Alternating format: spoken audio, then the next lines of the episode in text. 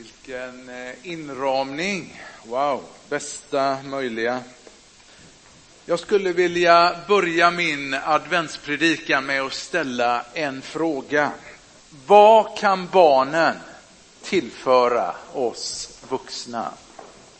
Finns det någonting hos barnen som vi gör väl i att lära oss av? Vi har ju hört några utav barnen här idag den här adventsgudstjänsten? Ja, såklart att det finns. Framförallt, barn har ännu inte lärt sig att vara rädda för sanningen. Av barn får vi höra sanningen, säger vi ju nästan som ett ordspråk till varandra. Och med detta menar vi att barn inte följer vuxnas regler, vad som är lämpligt eller olämpligt att säga. Och ingen har nog illustrerat detta fenomen bättre än H.C. Andersson i sagan om kejsarens nya kläder. Vi läser ju där om att vuxna, alla vuxna spelar med i hyckleriet. Till dess att ett barn klart och tydligt sätter ord på den för alla uppenbara sanningen. Titta, kejsaren är naken. Barn har en härlig men kanske för oss vuxna ibland eh, inte alltid så passande spontanitet. När ett, av våra, när ett av våra barn var mindre så fick omgivningen vara beredd på rätt så rättframma frågor. En målare kunde till exempel bli ställd inför frågan, är du gift? Eller, när jag blir stor ska jag bli tjock, vad ska du bli? Och i affären, ja då kunde det heta, eh, min mamma eh, vill att du ska hälsa på henne. Och då fick någon snällt bara lämna allt sitt och gå och hälsa på Sofia. I adventstexten så möter vi en skara barn som när det väl gällde var ensamma om att våga säga sanningen. En sanning som i högsta grad var besvärande för den samtida vuxenvärlden. Första advent, det vet vi ju, är en av kyrkoårets mest välbesökta gudstjänst. Det är då flest svenskar går till kyrkan. Det är en dag av glädje, ljus och, som vi hör i sångerna, lovsång till Gud. Men det paradoxala med adventstexten, det är å ena sidan en jublande folkmassa och å andra sidan en gråtande Jesus. Han som var dagens huvudattraktion och föremål för folkets jubel. Det står om honom, Jesus, att han grät. Jesu verksamhet under de tre åren hade skapat blandade känslor. Hans undervisning var sådan att misslyckade människor ofta välkomnade honom, medan de självrättfärdiga ständigt retade sig på Jesus och hans höga anspråk. Ord som, jag är vägen, sanningen och livet. Observera, inte en väg bland många, en sanning bland många, utan i bestämd form. Vem trodde Jesus egentligen att han var? Men vi har läst idag Matteus 21. Och det tycks ju som att den stora erkännandets dag var inne. Folket visste liksom inga gränser för sin entusiasm. Man skar kvistar från träden som man la på vägen som Jesus sen red fram på på åsnefölen. Och man ropade till honom de profetiska orden som var hämtat ifrån Saltaren 118. Hosianna, Jesus, fräls nu. Och Davids son, du är vår kung. Välsignad är han som kommer i Herrens namn. Med andra ord, vi erkänner dig Jesus vara sänd av Gud. Men trots jubelropen så grät Jesus för han visste att om bara några dagar så skulle stadens gator eka av de iskalla ropen. Korsfäst honom, korsfäst honom. Jesus visste att Jerusalems hjärta egentligen var stängt för honom. Och redan ute på vägen så läser vi om hur fariseerna kommer fram till Jesus och bestämt kräver, Mästare, säg åt dina lärjungar att sluta. Och när Jesus drog in i Jerusalem, ja då kom hela staden i rörelse. Men hyllningsropen, ja de hade tystnat nu av rädsla för etablissemanget. Och så går Jesus in i templet och han ser all handel där. Och han blir besviken och upprörd och han lämnar staden den där kvällen. Men så morgonen den på är han åter tillbaka och går med bestämda steg rakt in i templet. Och denna heliga plats som var ämnad för bön var som en enda stor marknadsplats full av kommers. Och så drar Jesus ett djupt andetag och plötsligt till alla stora förskräckelse reser, välter han omkull borden med kraft, bänkar och driver ut köpmännen med orden. Står det inte skrivet att mitt hus ska vara ett bönens hus för alla folk, men ni har gjort det till ett rövarnäste. Det fanns något oemotståndligt i Jesu auktoritet och ingen vågade öppet gå emot honom.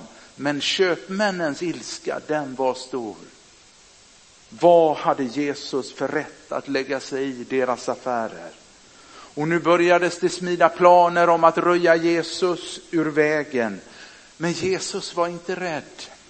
Han smiter inte iväg. Nej, istället så övergår han till en väldigt annorlunda demonstration av sin gudomliga auktoritet och makt.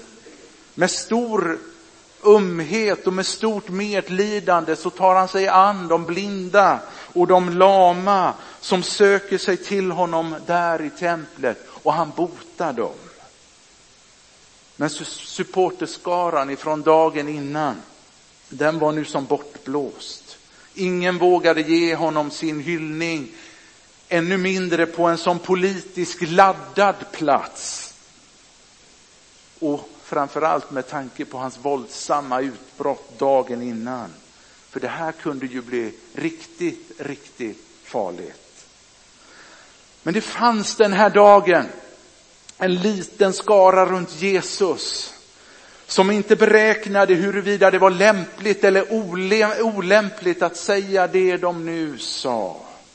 Det var en liten barnaskara som hade svansat efter Jesus och med stort intresse. Tänk vad spännande att få vara i Jesu närhet. Det händer ju fantastiska saker runt honom hela tiden. Ta bara den där resan med åsnefölet, den jublande folkmassan. Och sedan den häftiga actionfyllda tempelrensningen. Tänk vad modigt.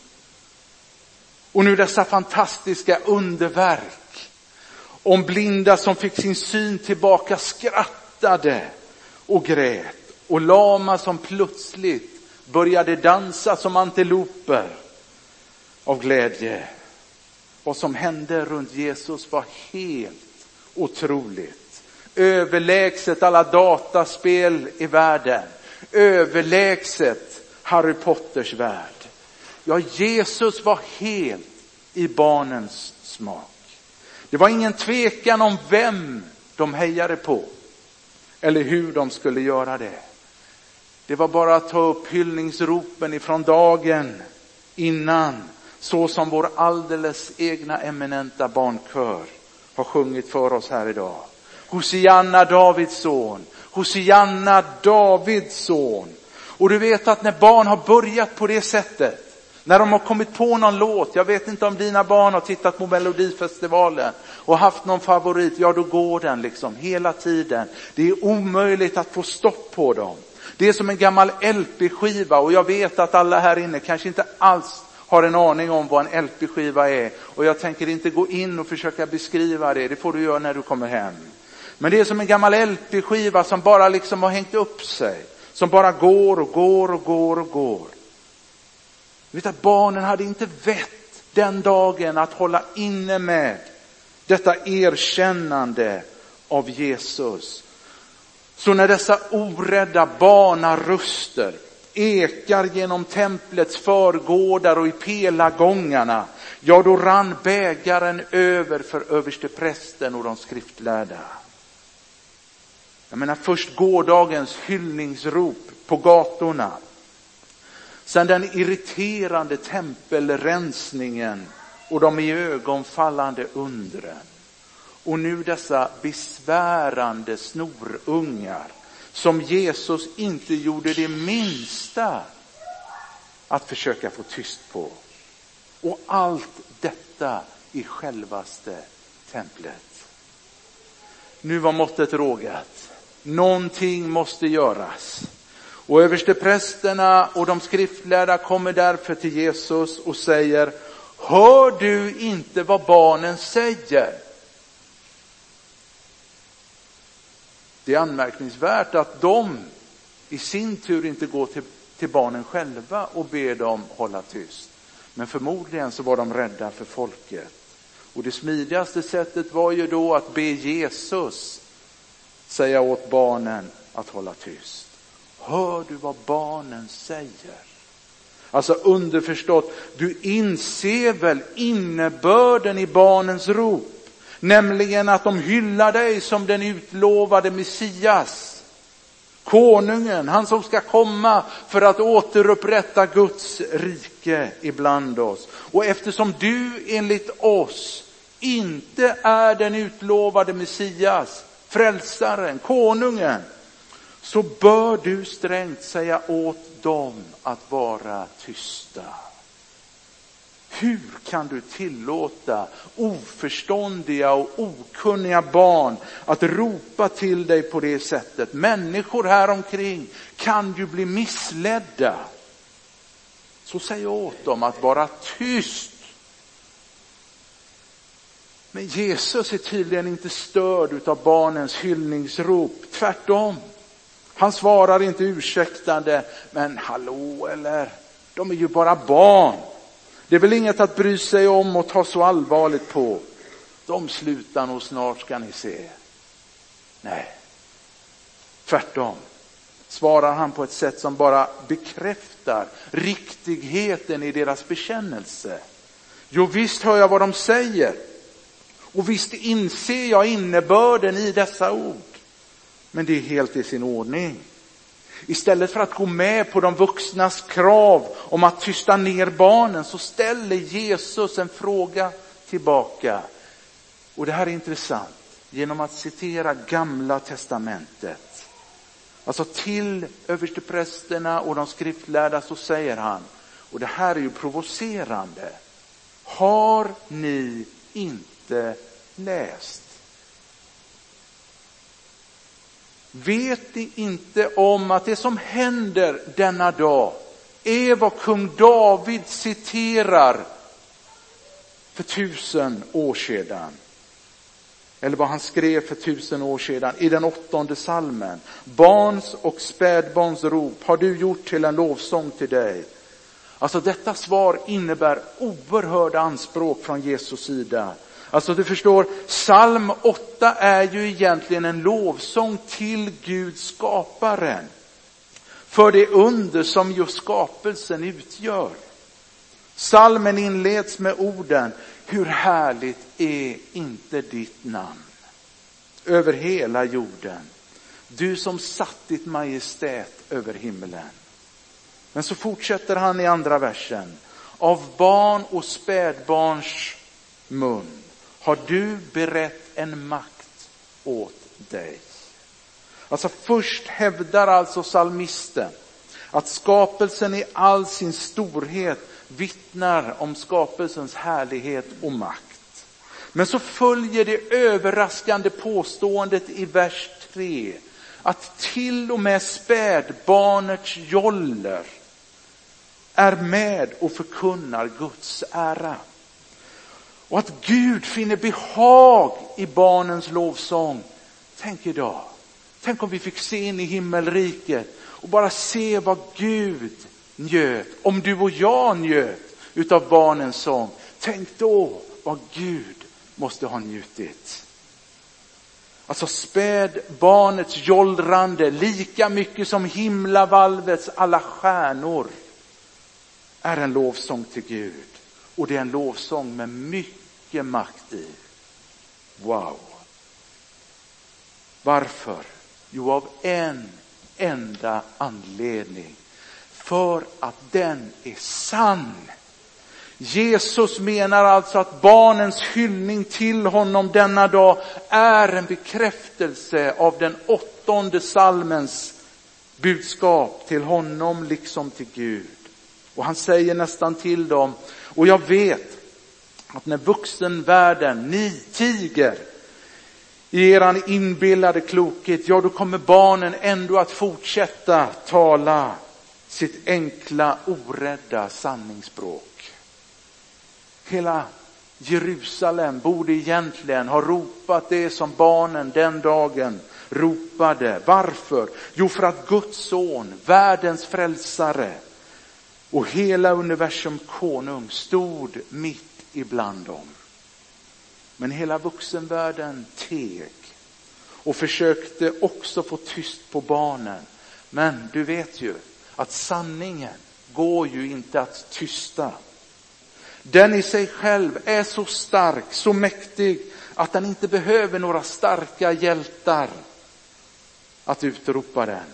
Gud nöjer sig med små barn och det som i världens ögon är ringa och föraktat. Varför skulle jag be barnen tiga, menar Jesus. Vad de säger är ju sant. Det är barnen som har rätt medan ni som vuxna och lärda och har en hög ställning i samhället har fel. Tänk, jag tror vi ibland talar lite föraktfullt om barnatron. Den är ju så naiv och så oförnuftig och så oreflekterad, kanske vi tänker. Möjligen gullig, men ja, ohållbar. Barn vet ju ingenting, de förstår ju ingenting. Men tänk om det är så att barnen, som ännu inte förblindats av sin duktighet, utan tvärtom är medvetna om sin egen litenhet och svaghet. Tänk om de är bättre rustade än vuxna att upptäcka de mest självklara och viktigaste sanningarna. Kanske är det vi som den här dagen, vi vuxna, borde lyssna på barnen. Att det de faktiskt sjunger och säger är det som är sant. För några somrar sedan så var en av våra söner nere hos sin farmor och farfar och hälsade på. Och de stod, ja det var grannpojken och en av våra pojkar som stod och tittade på ett krucifix med Jesus hängandes på väggen. Och där framför krucifixet så frågar en av våra söner, grannpojken, tror du på Jesus? Nej, svarar grannpojken. Var på våran son då svarar, ja men det gör i alla fall jag. Så naturligt och så självklart att Jesus fanns. Av barn får vi höra sanningen. Kanske är det just därför som du och du får ta det till ditt eget hjärta, borde engagera dig i våran söndagsskola. Just därför att barnen lär lika mycket dig om Gud, ja kanske till och med ännu mer än vad du lär dem. Jesus gav barnen den dagen rätt. Jesus försökte inte korrigera deras tro eller deras spontana lovsång.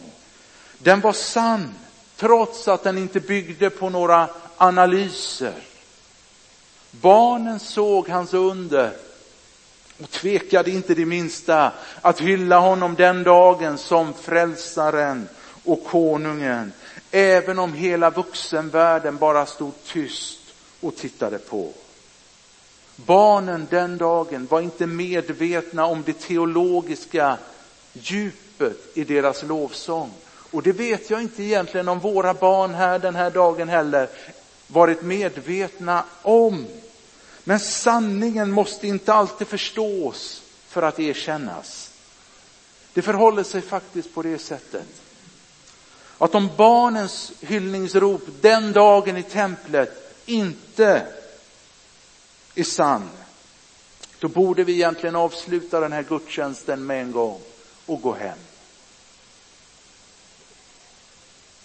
Då är vårt första adventsfirande ingenting annat än ett enda stort jippo.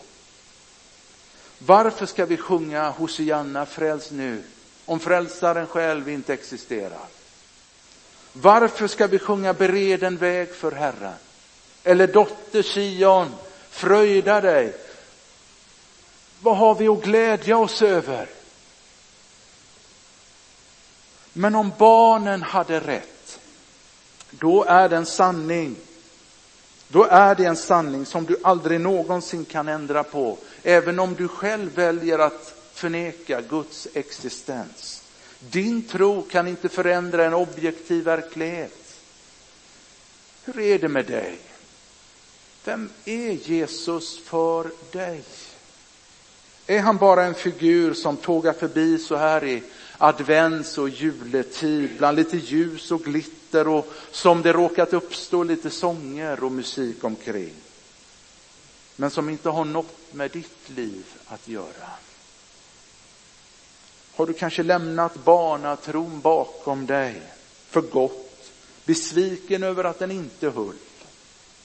Men kan det vara så att det barn som du en gång tystade inom dig ibland ger sig till känna, kanske i tider eller högtider som denna, och ropar efter en tro som den en gång ägde.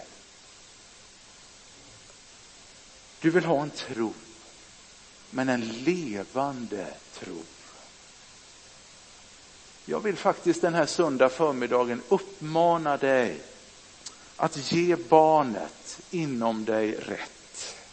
Släpp din duktighet, släpp prestigen och rädslan för vad andra ska säga.